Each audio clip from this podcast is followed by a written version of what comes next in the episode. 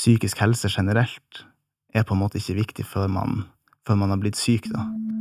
Kasper Kristoffersen fra Harstad tenkte at han skulle ut i den store verden og vise at han var suksessrik og uten frykt. Han strakk seg langt for å dempe usikkerheten han bar inni seg, men selv om han kom inn på en av Europas beste skoler og fikk store muskler, så ble ikke denne indre uroen borte.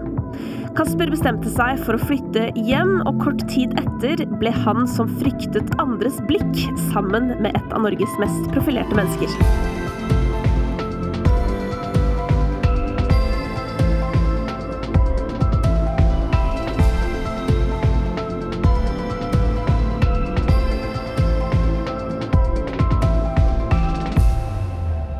Velkommen til deg, Kasper. Tusen, tusen takk. Du, Hvordan eh, syns du det er å være her i Noia? Jeg blir alltid eh, litt overraska og veldig glad når jeg blir spurt om å gjøre sånne her ting. Så det er supergøy. Jeg setter veldig pris på en, eh, en god samtale. Mm. Jeg liker å snakke om de tingene som jeg bryr meg om.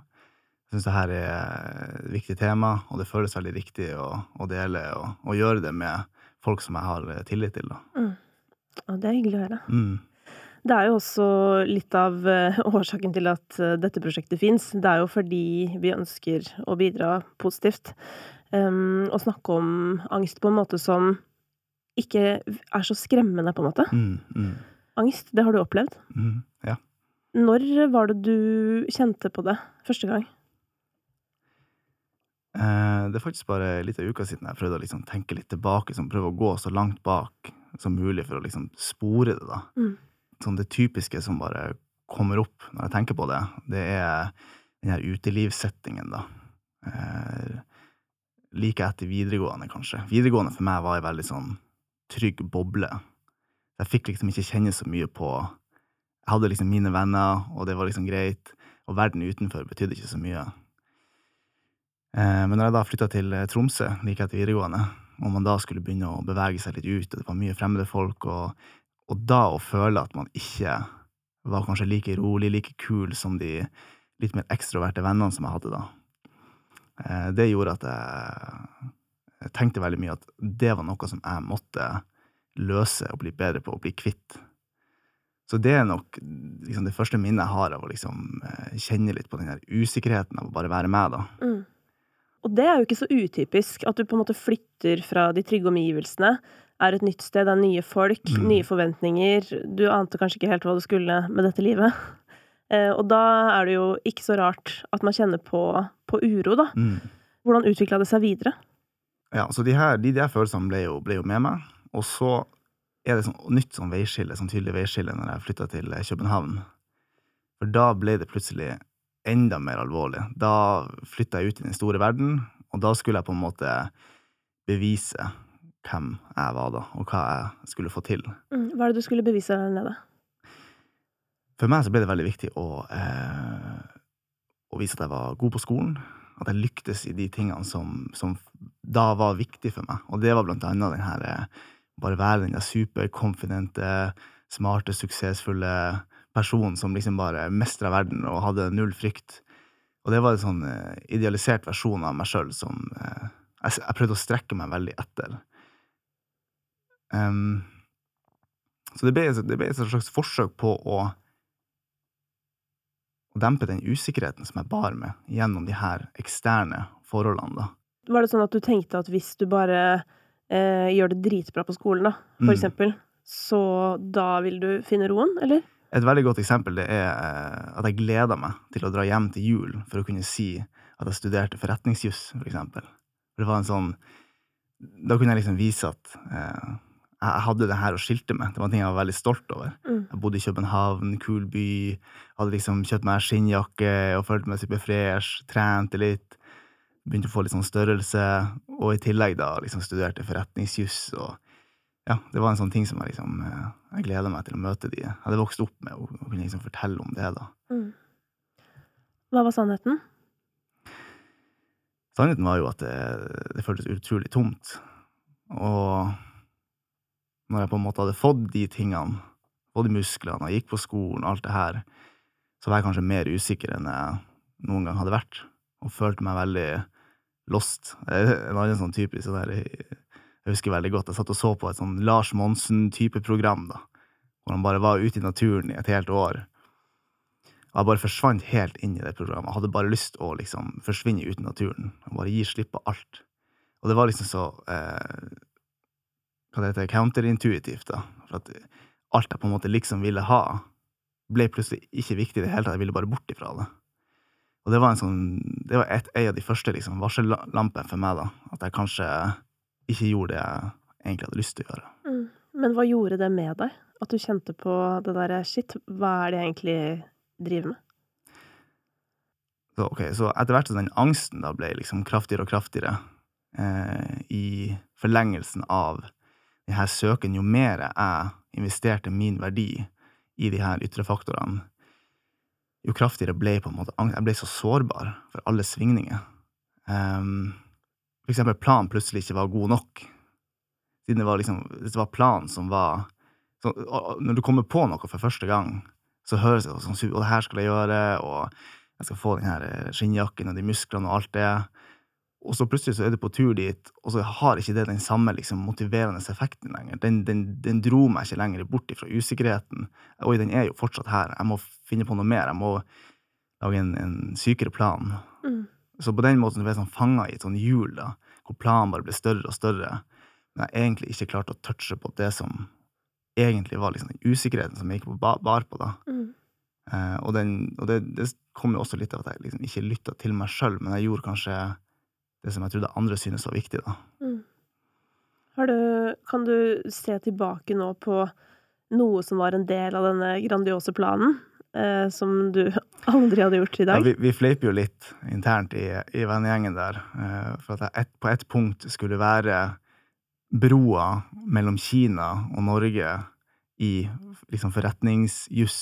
Der har det vært et litt sånn anspent forhold. Jeg skulle liksom være han som på en måte eh, klarte å bringe inn liksom, de kinesiske ressursene og alt mulig sånn. Jeg begynte å lære meg liksom, kinesisk. Jeg spinte helt av gårde.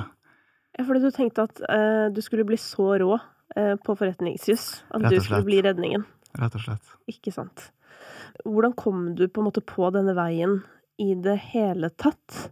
Det var ikke så mange bevisste tanker rundt veivalget. Det var mer bare sånn noe jeg fortalte meg selv hele livet. Jeg har vokst opp i en familie hvor eh, mamma og pappa har drevet skoforretninger.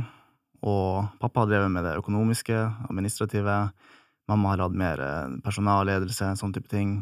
Vært et utrolig bra eh, team der. Men jeg har bare identifisert meg kanskje mer med den økonomiske, administrative veien. Bare fortalt meg selv hele veien at det er på en måte det jeg skal gjøre. Mm. Egentlig aldri spurt hvorfor. Og så, når det da ble rom for å søke, så tok jeg den beste skolen jeg kunne komme inn på. Mm. Og det var København. Fordi dette her er jo veldig relaterbart, garantert for så mange som står overfor liksom det veivalget. Hva skal du gjøre videre i livet? Det er så Altså, når du ikke har det svaret, så er det på en måte bare så utrolig lett å velge det som ser bra ut på papiret. Mm, mm. Um, når var det du bare kjente at det må skje noe? Altså, endring må skje? Det første behovet for endring, det var jo et ønske om å få vekk angsten. Hvordan prega angsten deg på den tida, altså i København, for eksempel? Eh, det gjorde at jeg følte meg veldig ukomfortabel i mitt eget skinn. Jeg var litt sånn, sånn fanga i en sånn fryktrespons, på en måte. Veldig sånn stive skuldre. Hvis det ble for mye mennesker, eller eh, miljøer hvor jeg ikke kjente så mange, ikke hadde noen sånne knutepunkter hvor jeg kunne hvile, så ville jeg bare vekk fra situasjonen. Eh, hvis jeg gikk hjem fra skolen, for eksempel, det verste jeg kunne tenke meg, det var liksom å gå gjennom det kjøpesenteret som jeg måtte gå gjennom for det var alltid så mye gjenger av liksom unge folk spesielt. Det var en sånn ekstra trigger for meg, da. Hva, hva var det du var redd for, da? Eller at folk skulle si noe, eller at jeg skulle få noen blikk, eller at noen skulle liksom, på en eller annen slags måte ha min oppmerksomhet. da. Mm. Og jeg klarte liksom ikke å Og de gangene det skjedde, da, så var det veldig sånn Jeg bare flykta inn i meg sjøl, klarte ikke å være i situasjonen. Jeg, bare, jeg klarte ikke bare liksom vinke tilbake, eller uansett hva det måtte være. da. Ja, fordi hvordan opplevde du å bli lagt merke til? Ja, her er det jo sikkert forskjell på hva som faktisk skjedde, og litt min opplevelse. Men jeg har alltid liksom opplevd meg sjøl som en sensitiv eh, unge, da, eller gutt. Um, ehm, Plukka opp mye inntrykk fra omgivelsene, hvordan folk har det, og stemninger og så videre. Og det ble jo en måte for meg å plukke opp masse inntrykk, blikk, uansett hva det måtte være, og så tolke det negativt i den her uh, usikkerheten som jeg hadde rundt meg sjøl. Hvorfor så de på meg på den måten? Kan de se at jeg er usikker? Uh, kan de se at jeg liksom ikke passer inn, eller syns de at jeg ikke passer inn her? Syns de jeg ser rar ut? Sånne type ting, da. Mm. Det skjedde jo nå, fordi du dro jo hjem fra København på et tidspunkt. Mm. Hva var det som ledet opp til det, det valget? Ja, så selv om jeg da har hatt de her utfordringene, så har jeg også hatt et veldig optimistisk sinn, alltid. Så jeg har alltid tenkt jeg kommer til å finne ut av det. Eller jeg skal finne ut av det. Og jeg har på en måte ikke klart å bare akseptere at sånn er det, og nå må jeg bare leve med det. Så det bringte meg jo inn gjennom mye forskjellig selvhjelpslitteratur. Mye av det gjorde ting verre, for at jeg bare fant verktøy som kunne bare sende meg enda kjappere inn i den retninga som var feil. da. Stå opp om morgenen og bare 'du er en vinner', og så bare fortsette på det sporet uten å nødvendigvis det, det var jo litt det som var problemet ditt fra før. Det var det som var problemet. Jeg, hadde, jeg, aldri, jeg, tenkte aldri at det jeg gjorde, var galt. Jeg tenkte at det var jeg som hadde et problem. Og så kom jeg da etter hvert over ei bok av Eckhart Tolle som heter The Power of Now, som virkelig muliggjorde at jeg kunne tre utenfor den historia som holdt meg fanga i, i, eh, i, København, og alt som var så viktig. Jeg, jeg, fikk, jeg, fikk, se det fra et litt annet perspektiv. Og det var, det var bare det jeg trengte for å klare å, å rivløse meg fra det. Og da, bare fem dager etter at jeg hadde kjøpt den boka, så slutta jeg på skolen, tok alle tingene mine og reiste hjem til Harstad. Satte meg på hytta, så ut i lufta i to uker. For de som ikke har lest om boka, hva er det da som du leser i The Power of Now som gjør at du tar et så drastisk livsvalg? Det han er utrolig dyktig på, det er å forklare hvordan Og det han kaller for egoet, da. Eh, de her mentale strukturene som man kanskje identifiserer seg med. Tanker, følelser. Og det var jo en sånn ting som jeg trodde jo på veldig mye av de tankene jeg hadde, for eksempel når jeg tolka de blikkene og det. Sånn at jeg så ikke nødvendigvis Det ble veldig ekte når jeg kjente på de bekymringene rundt hva de, de synes om meg, og at jeg var usikker, og alle de her type tingene. Det ble utrolig ekte. Mens han, han, han sa at det går an å, å, å, ta et steg tilbake, observere tankene, observere tankene som kommer og går, observere følelsene som kommer og går, og ikke nødvendigvis være tankene og følelsene. Og det lille, det lille spacet der gjorde at jeg klarte å finne en smak på en liten plass i meg sjøl som var mer stødig og stabil da, og trygg. Fint å høre deg fortelle. Vi skal ønske velkommen til Karina Karl, psykologen vår. Takk. Hvordan er det å høre Kasper fortelle um, egentlig litt om det å, å, få perspektiv, da? Jeg gjør meg mange tanker, um, og jeg tenker jo også at dette perspektivet burde jo på mange måter vært uh, mer tilgjengelig for de aller fleste på et tidligere tidspunkt, fordi vi lærer ikke hva tanker er, hva følelser er, eh, hvordan vi kan forholde oss til det. og det er nettopp det som er så avgjørende, fordi da kommer vi til å identifisere oss med det vi tenker og føler, og det er jo det som skjer når vi blir engstelige for hva andre tenker om oss, mm. for eksempel, da, eh, sosial angst. Det handler jo om våre tanker om hva andre tenker, og ikke om andres faktiske tanker om oss. Mm. For det er, jo, det er, jo, det som er at Jeg tenker sånn på gode dager, og også når du har fått litt perspektiv, så er det jo nesten flaut at man i det hele tatt har tenkt at andre tenker noe om deg, hvis du skjønner. Mm, fordi, mm. fordi at de fleste tenker på seg selv. Det er ja. det som er så Eller det tenker i hvert fall ja, det er det som er så rart. Sånn, jeg har tenkt på det på treningssenter, for eksempel. Sånn, noen ganger følt sånn Å, jeg må alltid gjemme meg inni en krok. Men så har jeg prøvd å begynne å observere litt. Det er jo ingen som ser på meg. De ser jo bare på seg selv. Det gjorde sikkert du også, når du prøvde å få muskler. Ja, ja, det er nettopp det perspektivet som, apropos perspektiv, som blir borte når vi blir fokusert på at andre følger med på oss eller vurderer oss negativt. Da vil vi jo ikke tørre heller å løfte blikket, da. Mm. Og hvis vi løfter blikket og ser rundt oss og ser hvor andres oppmerksomhet egentlig er, så vil nok det være en aha-opplevelse for veldig mange. Mm. Men din sosiale angst, Kasper, når har den på en måte skapt mest trøbbel for deg?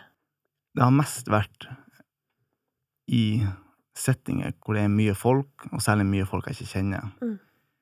Og det kan jeg fortsatt bli liksom usikker av i dag, ordentlig. Jeg kjenner at Hvis jeg ikke har de her knutepunktene, så er jeg ikke så flink på liksom å, å gå bort til noen og bare sånn Hei, liksom. Går det bra? Mm. Og så bare starte en samtale med noen som jeg ikke kjenner.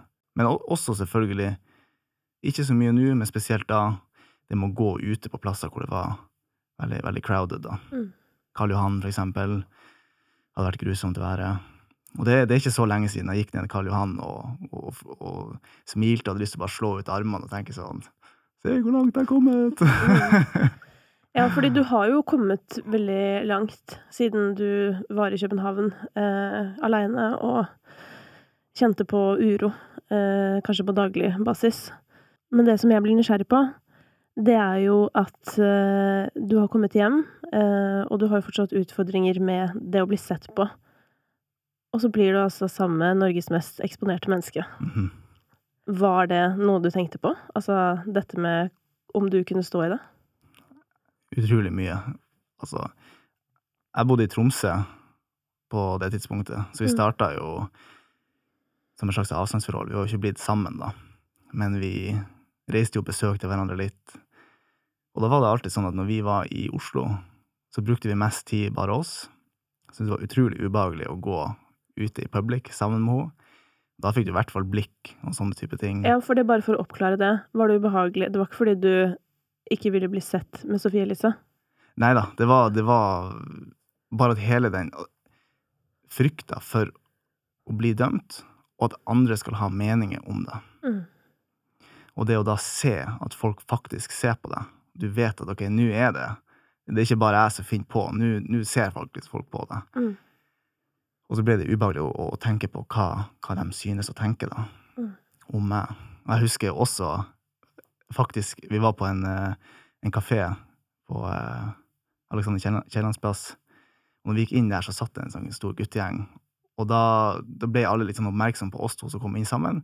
Og da var det noen som sa Ja, nå har sikkert funnet seg en eh, ny sånn eh, Ja, om det var Hun kalte meg en sånn kjekkas eller et eller annet. Bare liksom sånn der eh, Gjorde meg til en sånn greie, da. Så det var sånne ting som jeg tar med meg, da, som, som, var, som var veldig sånn Ja, som gjorde at det å gå ute sammen med henne ble veldig ubehagelig. Mm.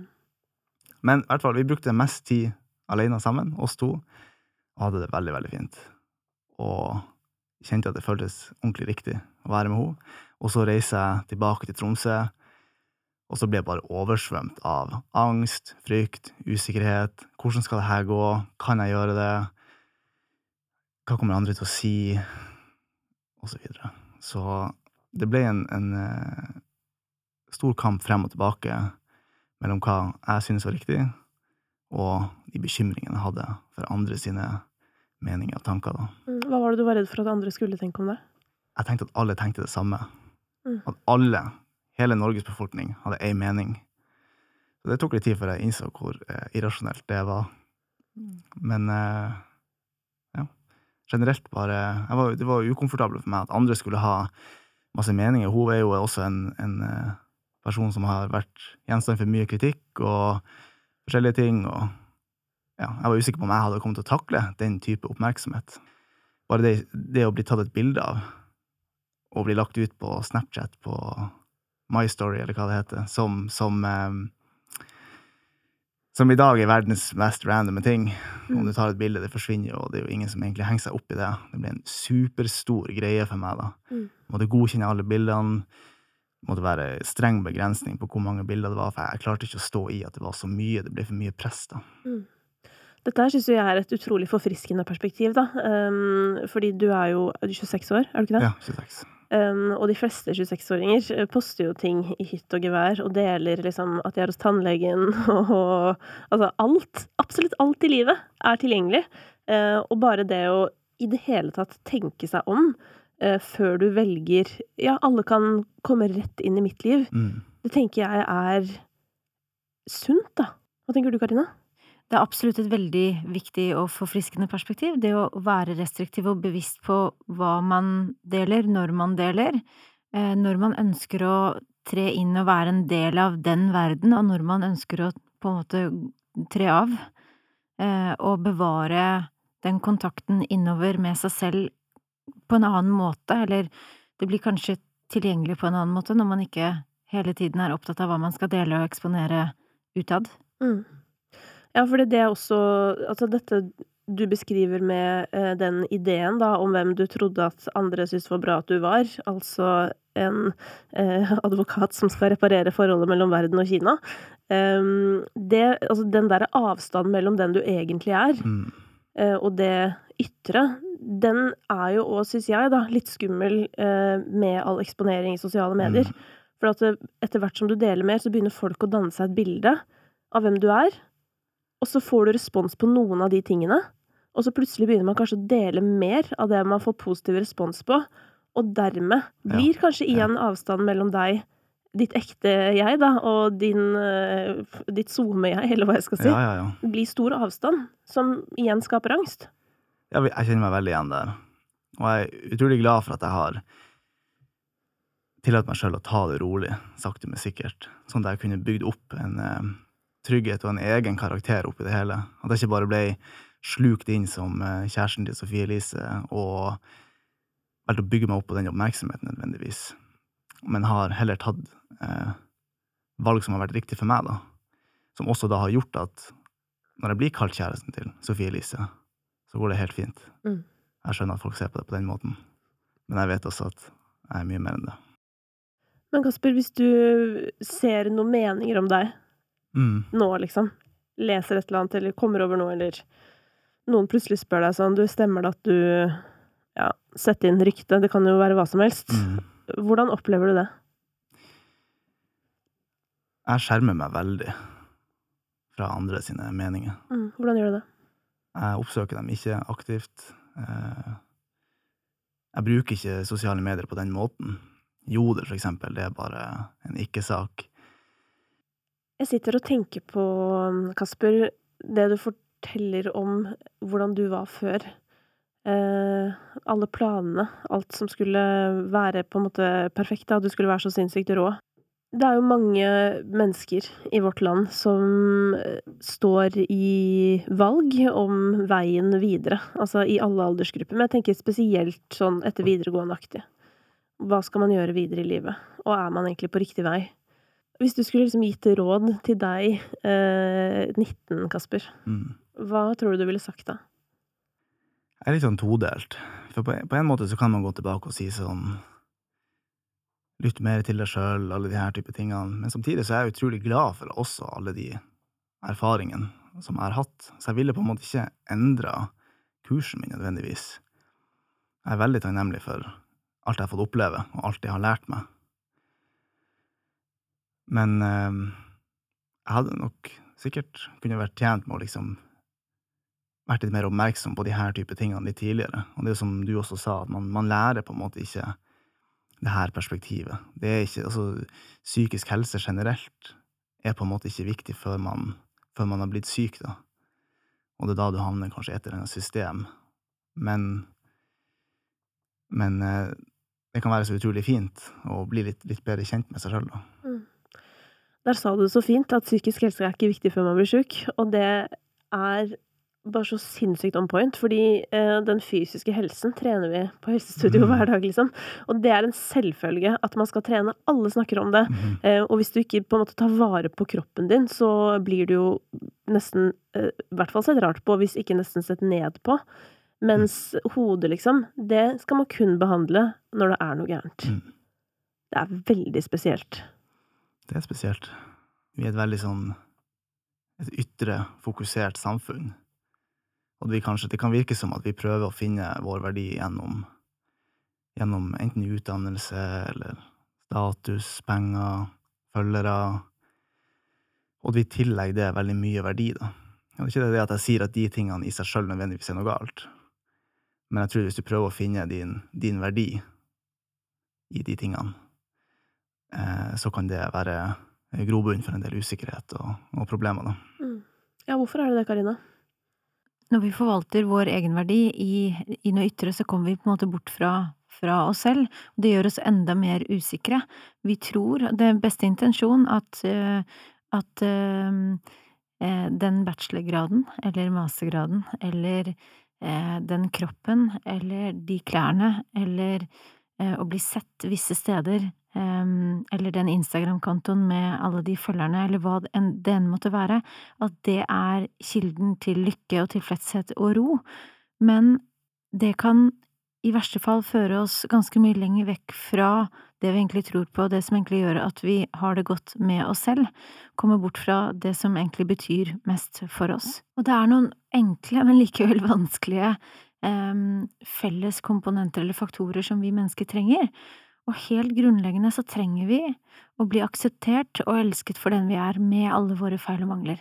Og det er så skummelt, og så sårbart, at vi gjør alt mulig eh, for å beskytte oss, eller for å komme dit, eller for å få den bekreftelsen. Det for eksempel være seg da ytre, som eh, en tittel, som eh, et hus eller en leilighet eller en bil, eller en, et, noe som er utseendefokusert. Det er, det er det som er baksiden med den kulturen vi lever i, kontra en mer kollektivistisk kultur, hvor, hvor, man hører til, er en del av en gruppe i mye større grad. Det, fallhøyden er så enormt stor i vår tid fordi at vi både fokuserer på individet og, og på prestasjon, og vi har alle muligheter. Så hvis vi mislykkes, så er det vår egen feil, fordi vi hadde jo alt det som skulle til. Og det, paradoksalt nok, blir en veldig stor utfordring for oss. Så det samfunnet vi lever i som veldig legger til rette for eh, at vi skal virkelig, virkelig ha det godt. Vi har alt vi trenger, vi er trygge, eh, vi kan gjøre egentlig det meste av hva vi vil. Det blir egentlig vår største fiende, vår verste fiende. I min vennegjeng, som var utrolig sånn konkurransedreven, da, hvor man egentlig prøvde å skilte med alt det kule man fikk til, så spredde litt denne type litt, det ønsket om å, om å finne litt ut av de her tingene seg, sånn at etter hvert så begynte vi å åpne oss opp mer og mer, og vi, vi klarte å være åpen, sårbar, og faktisk dele de, de svake sidene. Og jeg kunne si til mine ekstroverte venner at jeg blir ordentlig usikker når vi skal dra på denne tingen i kveld, for eksempel. Eller at jeg alltid setter opp til hvordan du klarer de her tingene, men følte meg så usikker sammenligna, for eksempel. Og det har åpna opp en helt ny dimensjon blant oss, og, eh, og vi har virkelig, ved liksom å, å ta av oss de her maskene, kunne møttes. Eh, og, og, ja, rett og slett litt sånn akseptert hverandre litt, litt, mer. Vi møtes jo i sårbarheten, og det er der hvor vi kan knytte nær kontakt og virkelig kjenne at vi hører til. Mm. Fordi vi må skille mellom det å passe inn og det å høre til, og i det øyeblikket vi prøver å, å kle oss med ytre verdier, da, for å passe inn, så vil vi aldri oppleve det vi egentlig trenger, helt grunnleggende, som er å høre til, å ha en plass med alle våre feil og mangler, som den vi er, som motsetningsfulle mennesker i et liv med hele spekteret av følelser, med gode og dårlige dager, med at vi begår feil, igjen og igjen og igjen, og hva alt det det innebærer eh, å, å være et menneske. Du har jo lenge ikke vært på sosiale medier, Kasper, men etter at du har blitt med, eh, hvordan opplever du å dele dine erfaringer med andre? Altså litt sånn, Det blir nesten som også med de, de vennene, også bare i en litt større skala. At det, å, det å tørre å være sårbar og, og, og, vise sine antatt svake sider, har på en måte ført til en sånn styrke i meg. At jeg, jeg klarer å ta mer eierskap og faktisk føle meg eh, sterkere av den grunn. At det jeg kanskje syntes var så utrolig sårt og vanskelig å dele, plutselig ikke var så farlig lenger. da. Mm. Sånn opplevdes det for meg, i hvert fall. Eh, ja, Det betyr ikke at jeg nødvendigvis anbefaler alle å bare spre ut alt, eh, men eh, for meg har det i hvert fall vært sånn på den måten. Men det tok jo litt tid da, før jeg følte meg klar for å, for å tre ut. Og så har jeg jo også hatt eh, støtte og veiledning fra eh, dyktige folk rundt meg. Mm. Hvis vi skal se på angsten som noe positivt, mm. hva har vært det positive med den opplevelsen for deg? Det har blitt en slags en slags dør, da. Det, det, har, eh, det har, gjort at jeg gjennom, gjennom den smerten da, eller angsten har kommet i kontakt med en, en, eh, en dypere plass i meg sjøl som jeg kanskje ikke hadde gjort hvis jeg på en måte bare bodde i trygge Harstad, for eksempel, og liksom ikke dro ut og, og satt meg sjøl i de situasjonene, og bare levde liksom litt i den komfortsonen. Så jeg tror nok absolutt at den angsten har vært med på å vise meg med mange av de perspektivene og det som jeg sitter med i dag, da. Tusen takk for at du ville komme til Naya. Tusen takk for at jeg fikk komme.